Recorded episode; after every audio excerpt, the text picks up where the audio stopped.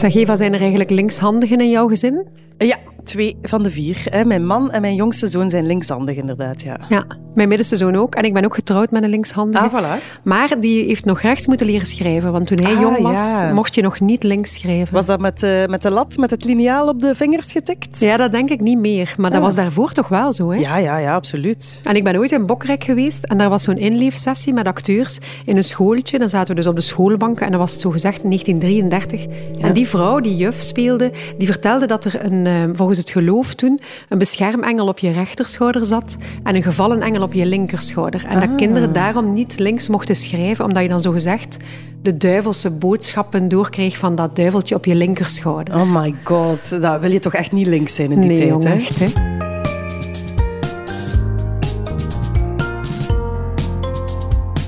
Dit is Studio Brein, een podcast van Breinwijzer over de wondere wendingen van je hersenen. Met Eva Moeraert en Maaike Verstraeten. Ja, je raadt het al, deze aflevering gaat over het brein van linkshandigen. Wij beantwoorden vragen zoals: zijn linkshandigen echt creatiever? Zijn apen ook links- of rechtshandig?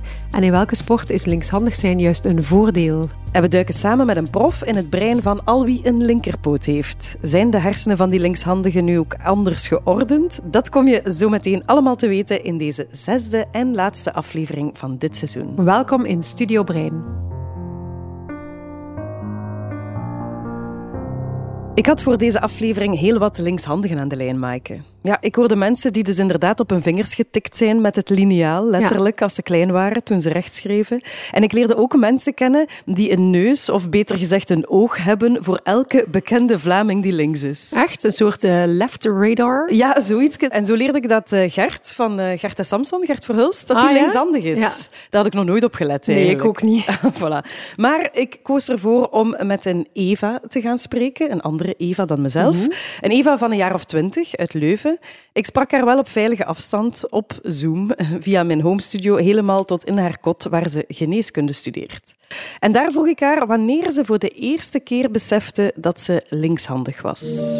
Oh, ik denk, eh, het eerste moment dat je daar een beetje mee geconfronteerd wordt, is echt in dit eerste leerjaar. En dan krijg je voor het eerst hè, een, een vulpen. En iedereen die kreeg een oranje vulpen en ik kreeg een blauwe vulpen. Want de blauwe vulpen was voor linkshandigen en de oran- oranje eh, was voor rechtshandigen. Dus ja, ik denk dat dat zo de eerste confrontatie is met het linkshandig zijn. En er werd ook altijd wel zo...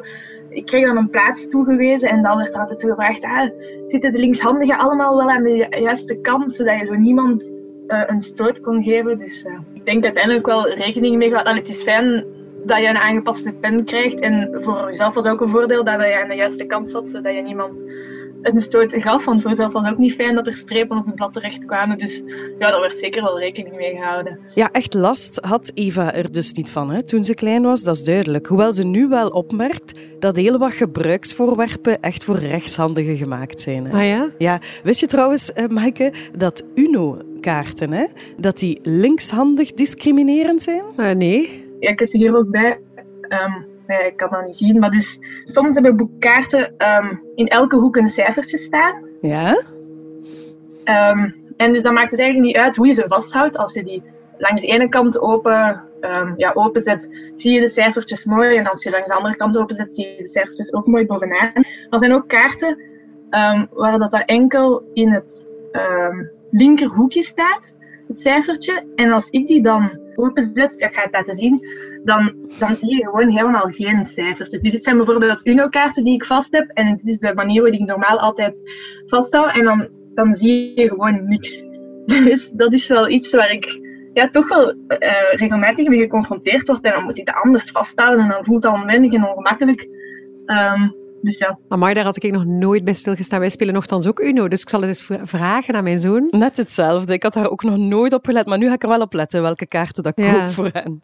En eh, we hoorden hier dat Eva op haar zesde ongeveer tot het besef was gekomen dat ze anders handig was dan anderen of zo. Maar waar komt haar linkshandigheid dan vandaan? Maaike, jij bent weer een expert gaan interviewen. Ja, dat klopt. Naar goede gewoonte. Ja. En ik ben met professor Guy Vingerhoets gaan praten deze keer. Hij is verbonden aan de Universiteit van Gent en doet daar neurologisch onderzoek naar links- en rechtshandigheid. En hij wist mij te vertellen wanneer en misschien ook hoe die linkshandigheid ontstaat. de kans op twee uh, rechtshandigen, dat die een rechtshandig kind krijgen, is zeer groot, maar niet absoluut. Ja? We weten uit onderzoek met tweelingen, mono- en dizygote tweelingen, dat er maar ongeveer 23% erfelijkheid meespeelt. Dus het is niet infrequent om een monozygote tweeling te vinden, waarvan de ene ling rechtshandig en de andere ling linkshandig is. Dus dat betekent dat genetica niet alles verklaart. Uh, wat zijn de twee andere factoren die dan in, uh, in de ring springen? Dat is omgevingsfactoren en kans. Puur toeval. Je kunt zeggen van ja, omgevingsfactoren. Hoe kunnen nu omgevingsfactoren bepalen of jij linkshandig wordt of niet? Prenataal ziet men dat als men foto's neemt, dat de meeste kindjes ook in de baarmoeder eigenlijk op hun rechterduimje aan het zuigen zijn. Hoe komt dat? Dat zou kunnen komen doordat ze natuurlijk rechtshandig zijn, eh, maar dat is dan genetica. Maar een andere verklaring zou kunnen zijn dat is afhankelijk van de ligging van het kind in de baarmoeder. En het is zo dat de meeste kindjes in het laatste uh, trimester van de zwangerschap meestal zo georiënteerd zijn dat hun rechterkantje meer vrij ligt dan de linkerkant. En de linkerkant zit meer tegen de ruggengraat en het bekken van de moeder. En de rechterkant is meer naar de vrije kant gedraaid, dus er is meer plaats. En ze zouden dus zo op die manier die arm beter kunnen oefenen dan de linker. Dat is een moment waarop hersenen zich onder andere volop hoe kan het voorbereiden zijn. Uh, dat is natuurlijk al veel vroeger gestart, maar uh, natuurlijk, oefening baart kunst. Uh, wanneer je kunt bewegen, dan kunnen er natuurlijk ook motorische neuronen actief worden. Als je niet kunt bewegen, gaan die motorische neuronen natuurlijk ook minder uh, getriggerd worden. Dus dat speelt een rol. Wow, had ik dat dan op de echo kunnen zien, dat mijn ene zoon rechtshandig was en de andere links? Ja, wie weet. Ik stel voor dat iedereen die nu zwanger is, daarop gaat letten. Ja, stuurt ons door. Ja, het is trouwens maar een kleine groep, Eva, die linkshandigen. De meeste mensen zijn rechts. En je zou je dus kunnen afvragen, evolutionair gezien, waarom dat nog steeds bestaat. Waarom dat de evolutie dat niet heeft uitgeselecteerd als rechtshandig zijn duidelijk zoveel voordeel heeft. Het eerste feit dat we zien dat is dat er ongeveer 10% van de mensheid linkshandig is. Dus die cijfers schommelen een beetje, afhankelijk van cultuur tot cultuur. En de reden is vermoedelijk omdat in sommige culturen linkshandigheid zwaarder onderdrukt wordt dan in andere culturen. Maar gemiddeld genomen uh, is in alle rassen, alle culturen, alle etnieën ongeveer 10% van de mensen linkshandig. Linkshandigheid komt trouwens over heel de wereld voor, Eva, in alle culturen. Oké. En bovendien zijn linkshandigen er al sinds het ontstaan van onze soort. Archeologen hebben gekeken naar eh, stenen voorwerpen, hoe die gemaakt zijn. Mensen hebben ook grottekeningen uh, onderzocht. Ook uit die informatie blijkt dat toen al Homo sapiens voor 10% uit linkshandige mensen bestond. Een daarbij aansluitende vraag is dan uiteraard: en hoe zit het met de andere primaten? Uh, onze neefjes, de chimpansees, met wie we toch ongeveer 99% DNA delen. Um, het antwoord op die vraag is moeilijk. En er bestaat heel wat onderzoek naar. Dat spreekt elkaar soms wel wat tegen. Gemiddeld genomen kunnen we zeggen dat er iets meer rechtshandige uh, chimpansees en bonobo's bestaan dan linkshandige. Zeker wanneer het, laat ons zeggen, uh, communicatieve gebaren betreft.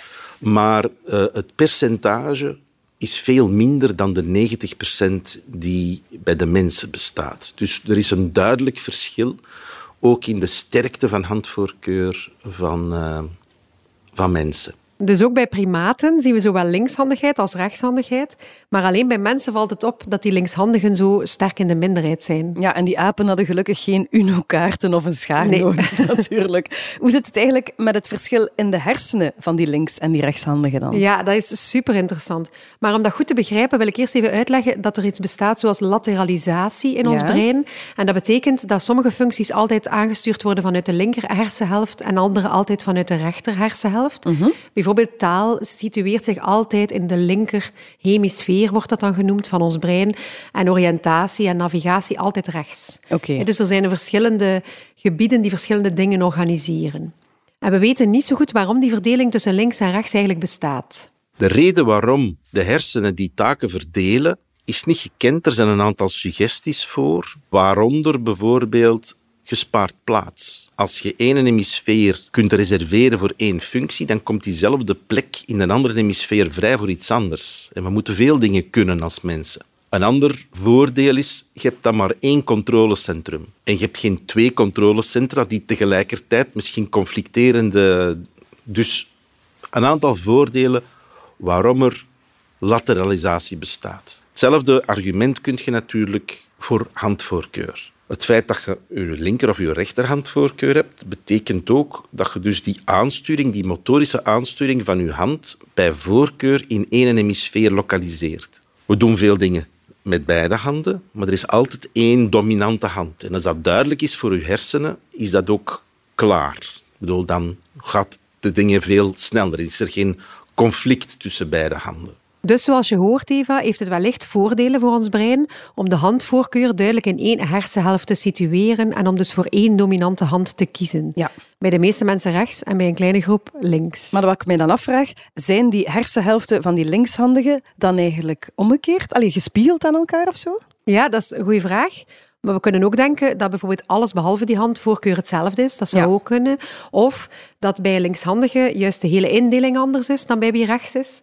Zou allemaal kunnen. Ik heb het gevraagd aan professor Vingerhoets, want die kan het weten. Als je linkshandigen test op de lateralisatie van functies, zoals taal, zoals ruimtelijk inzicht, zoals aangezichtsherkenning, dat je steenvast vindt dat linkshandigen minder extreem gelateraliseerd zijn in die functies dan rechtshandigen. Ons onderzoek toont aan dat de reden daarvoor wel eens zou kunnen zijn dat die linkshandige groep gewoon bestaat uit twee verschillende groepen.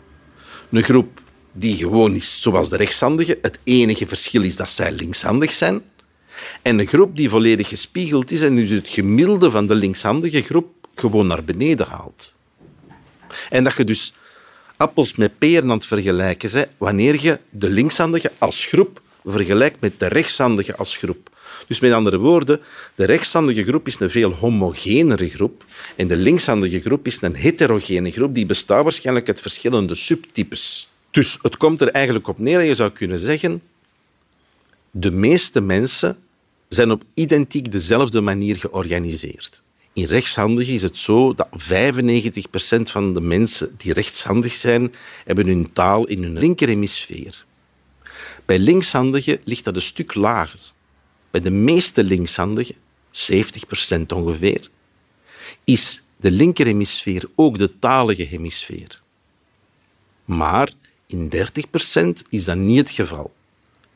In 15 van die 30% zit die in de rechter atypische hemisfeer en in de andere 15 is die blijkbaar over beide hemisferen verdeeld en hebben die minder uitgesproken tallateralisatie. Dus binnen die 10% linkshandigen zit er dan nog een kleinere groep, van 30% eigenlijk, waarbij de hersenen anders georganiseerd zijn. Snap ik dat dan goed, Maaike? Ja, inderdaad.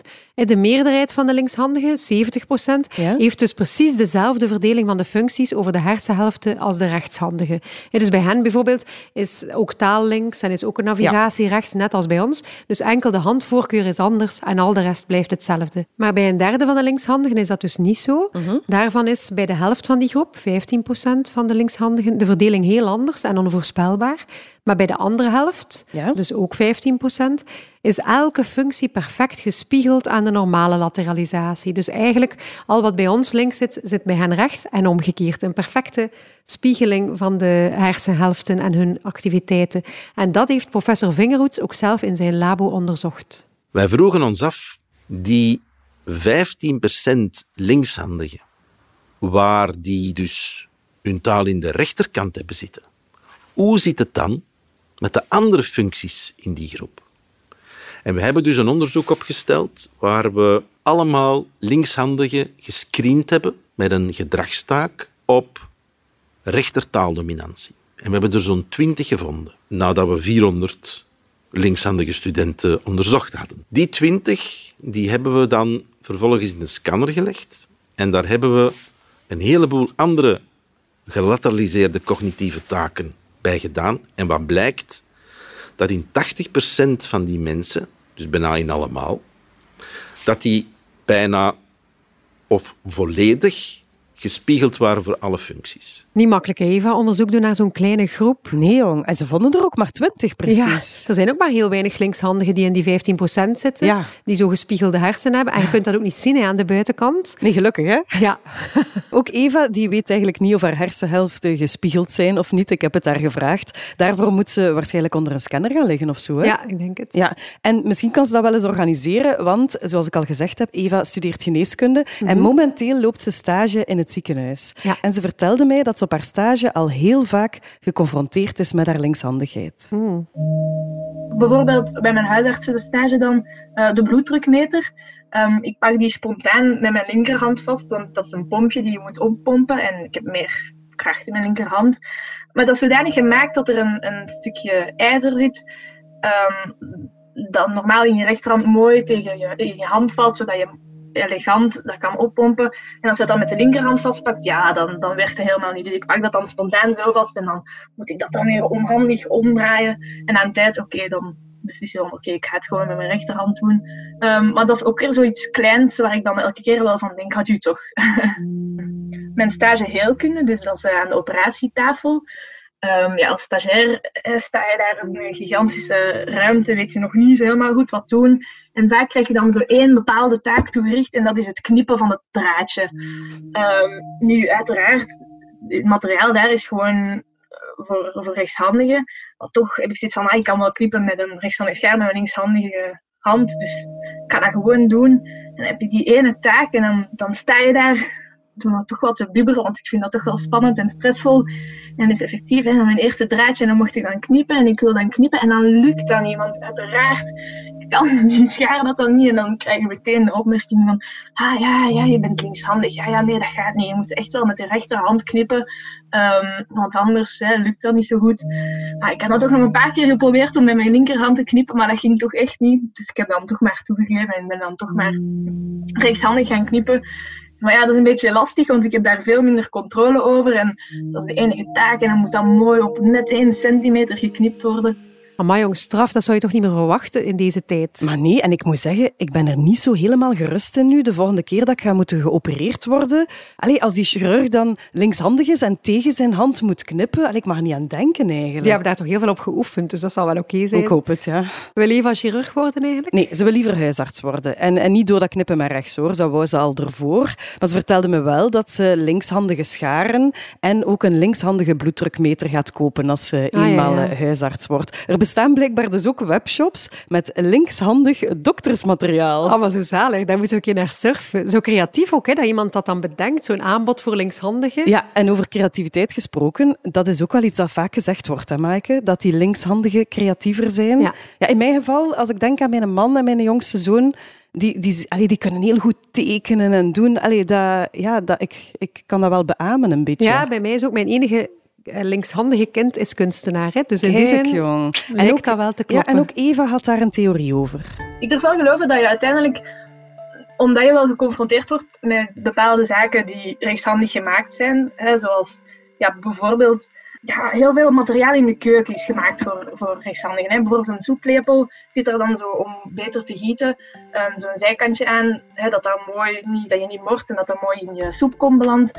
Maar ja, als je dan linkshandig zit te scheppen, dan gaat dat niet en dan proberen maar wat. Dus ik, ik durf wel te geloven dat als je dan linkshandig bent, je uiteindelijk gewoon er sneller een aanpassing zoekt of er mee leert leven of andere manieren zoekt.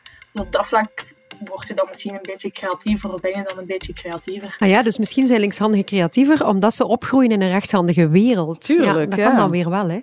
Ik heb dat trouwens ook voorgelegd aan professor Vingerhoets, die hypothese, zijn linkshandigen creatiever. Maar ik moet nu helaas iedereen teleurstellen, want er is geen onderzoek dat dat bevestigt. Oh nee. Ja, luister maar. Men heeft dat eh, onderzocht op meta-analytisch niveau en eh, uiteindelijk komt men tot de constatatie dat daar geen argumenten voor zijn. Dat wordt wel vaak gezegd. Maar langs de andere kant, over linkshandigen is al van alles verteld in het verleden. Hè. Sinistre, links, sinister, eh, ons woord sinister. Uh, dus linkshandigheid kent ook een heleboel pejoratieve bijklanken. En het is inderdaad zo dat een heleboel ontwikkelingsproblemen vaker gezien worden bij linkshandigen. Een, een, een heleboel pathologieën komen meer voor bij linkshandigen dan bij rechtshandigen. Dus er zijn een aantal negatieve connotaties aan, maar er zijn ook even goed een aantal positieve connotaties. Dus zijn slimmer, er zijn meer getalenteerde mensen die linkshandig zijn. Ik hoorde nu zeggen, die ingenieurs, die zijn allemaal, of die computerexperten, die zijn ook allemaal linkshandig. Dus het is van beide werelden. Maar ik ik denk eerlijk gezegd dat er weinig evidentie voor bestaat om te zeggen dat er cognitieve voordelen kunnen bestaan aan linkshandigheid. Dus er wordt van alles gezegd over linkshandigen, maar er is geen enkel verschil dat echt wetenschappelijk bewezen is nee. dan? Oké. Nog niet. Dat is duidelijk. Maar het heeft soms toch wel voordelen om linkshandig te zijn. Dat Mhm. vertelde Eva mij toch. Ik heb helemaal geen idee of het waar is, ehm, maar ik ben ervan overtuigd dat ik ehm, beter ehm, ehm, goh, topjes van een fles kan open doen. Of zo een, een blik confituur. Ik heb helemaal geen idee of het waar is. Hè. Ik ben er gewoon van overtuigd. Ehm, of zo een, een blik confituur, of ja, een pot confituur waar je de deksel van moet afdraaien.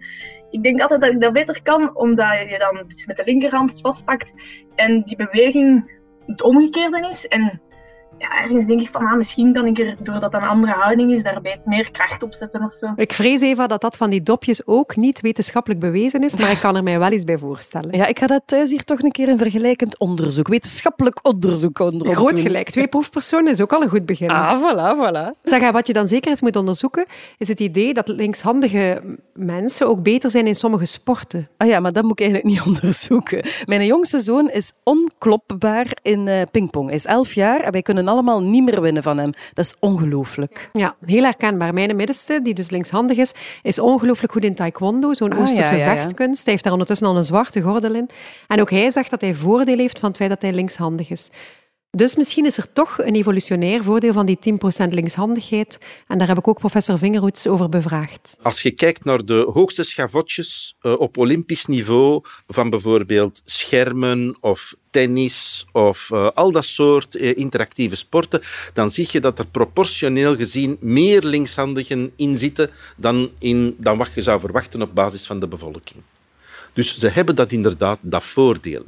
De vraag is of dat, dat voordeel sterk genoeg is om die aanwezigheid van linkshandigheid te kunnen blijven verklaren in de populatie. Als 90% van de bevolking rechtshandig is en maar 10% is linkshandig, dan is het evolutionair duidelijk. Rechtshandigheid heeft een voordeel. Dat kan niet anders. Anders zou dat niet zijn.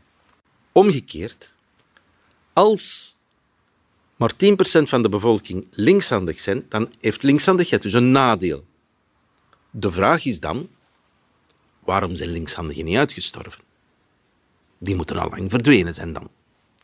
Het enige mogelijke antwoord op die vraag is, linkshandigheid moet dus ook een voordeel hebben. Maar onder bepaalde omstandigheden. Namelijk als er niet zoveel linkshandigen zijn. En hier komt de vechthypothese op de proppen. En de vechthypothese zegt dat in een interactief gevecht, confrontatie, conflict, de linkshandige een verrassingsvoordeel heeft op rechtshandigen. Die vechthypothese, dat fascineerde mij. En eh, in Gent hebben we hier een heel bekende schermerschilde, in Belfort eigenlijk. En omdat ik gehoord had van de prof dat linkshandige schermers echt wel een voordeel hebben, ben ik daar eens gaan piepen onlangs. Klaar, trek. Half. Half vijf. Een, een rechtshandige schermer is vooral gewend om well, elke schermer is eigenlijk vooral gewend om tegen een rechtshandige schermer te, te schermen. En aangezien dat het een asymmetrische sport is, dus je schermt maar met één hand, je staat ook met diezelfde hand en datzelfde been ervoor. Ehm, ja, geeft dan natuurlijk eh, an- andere aspecten. Als dat plots een gespiegeld beeld is, ehm, dat, houdt er, dat houdt in dat, dat de afstand bijvoorbeeld ten opzichte van je tegenstander, dus de afstand van, van mij ten opzichte van een rechtshandige schermer, onze handen zijn dichter bij elkaar dan een rechtshandige tegen een rechtshandige schermer, dan is dat gekruist. En dat brengt dus wel, ja, de afstand is bijvoorbeeld een heel belangrijk aspect. Eh, dat heeft dus wel effect op, op de match en op de beleving van de match en op, welke tactieken dat je best toepast. Het is een voordeel voor mij natuurlijk, want ik scherm altijd of heel veel tegen rechtshandige schermers en veel rechtshandige schermers schermen heel weinig tegen linkshandige schermers. Uh, nu, ik zei tot op een bepaald niveau, omdat als we naar de seniorniveau gaan op, op wereldvlak, dan zijn die allemaal wel gewend om ook regelmatig tegen linkshandige schermers te schermen en worden die daar ook specifiek op getraind. Uh, dus dan gaat dat minder spelen.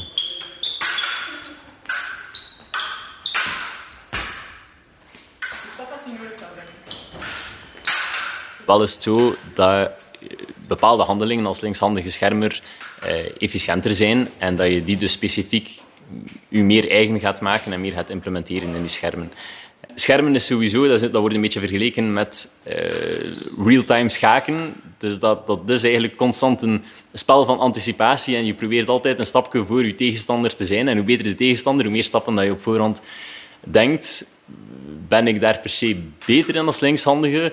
Dat durf ik niet zeggen. Uh, ik denk wel gewoon ja, dat, je, dat je weet dat er bepaalde dingen goed werken of dat er bepaalde handelingen een voordeel geven als linkshandige en dat je die dus meer gaat toepassen of implementeren dan, dan dat een rechtshandige schermer doet.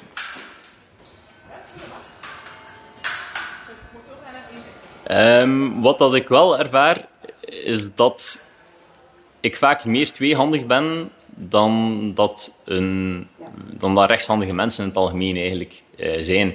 Dus, dus bijvoorbeeld, als ik, ik ben geen held in het pingpongen, uh, maar ik kan wel ongeveer even goed pingpongen met mijn linker als met mijn rechterhand. Uh, hetzelfde voor badminton. Dus ik speel dat ook niet courant. Um, maar ik weet zeker, dat, dat moest ik een tijdje... Ja, mijn rechterhand is denk ik zelf iets beter in badminton, maar ik zou beide handen eigenlijk kunnen, kunnen trainen en vrij snel denk ik even goed met beide handen kunnen spelen.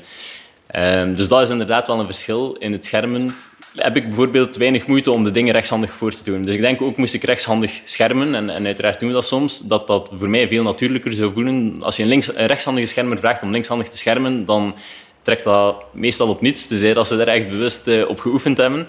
Um, ik, als spontaan, als ik training geef en zo, dan, dan toon ik, um, om niet verwarrend te zijn, toon ik heel veel dingen rechtshandig. Stelling, klaar, trek.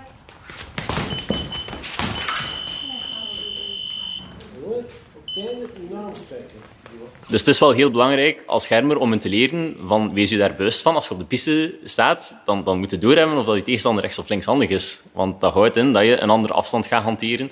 Dat je uh, meer nadruk op bepaalde handhoudingen en parades gaat leggen dan dat je doet tegen een rechtshandige.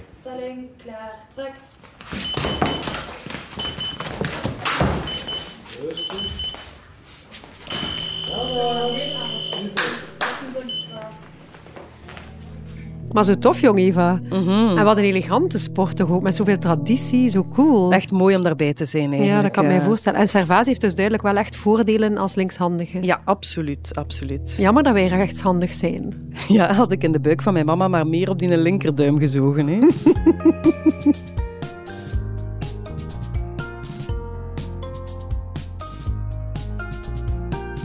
Dit was het dan. Seizoen 2 van Studio Brein zit er alweer op, zeg. En daarom willen we heel graag nu de tijd nemen om een paar mensen te bedanken, zonder wie we deze podcast nooit hadden kunnen realiseren. Eerst en vooral Breinwijzer VZ2 en hun coördinator Eva de Vlieger voor de kansen, de ondersteuning en alle creatieve vrijheid. Wij hebben er heel erg van genoten. Absoluut. Ook onze sound engineer Sander Lambrecht moeten we bedanken voor de mooie muziek overal onder. Hij heeft die allemaal zelf gecomponeerd. Wow. En ook de prachtige montages. Wouter Landuit, uh, zijn stem zat in de jingle. Die willen we ook absoluut bedanken daarvoor. En onze redactrice Stefanie Heijsen voor het vele luister- en knipwerk dat ze voor ons gedaan heeft. En zeker ook alle professoren die ons wilden helpen en te woord staan en die met handen en voeten hebben Ja. uitgelegd wat wij graag wilden begrijpen. En dan denk ik aan Guy Vingerhoets, Marian van der Hasselt, Rudy Dogen, Dirk de Ridder, Nathalie Michels en Ben van Kranenburg. Merci. Ja, en tot slot al onze hoofdpersonages. Hè. Al die mensen die ons hun verhaal hebben toevertrouwd in dit seizoen. Merci Geertrui, Cedric, Karin, Hilde, Dimitri, Stijn, Tom en Maarten, Stanny, Jo, Eva en Servaas. Voilà. En voor wie er niet genoeg van kan krijgen, je kan al onze vorige afleveringen en het hele eerste seizoen terugbeluisteren via de website van Breinwijzer, www.breinwijzer.be, onder het kopje Studio Brein, of in elke podcast-app die je maar kan bedenken, telkens zoeken op Studio Brein. Maaike, uh, jij ook bedankt, hè? Goh, insgelijks, Eva. Het was echt een hele eer en het was een ongelooflijke ervaring. Ja, en vooral bedankt aan jullie, aan onze luisteraars, om telkens te luisteren en ons af en toe ook een berichtje te sturen dat jullie het interessant vonden en, en de podcast door te sturen. En om zo enthousiast te delen. Ja, draag zorg voor elkaar en ook voor je hersenen. Dag.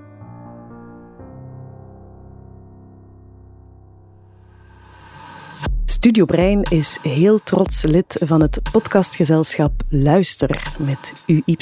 Luister. Wil je nog meer goede podcasts horen? Surf dan zeker eens naar luister.be. Luister.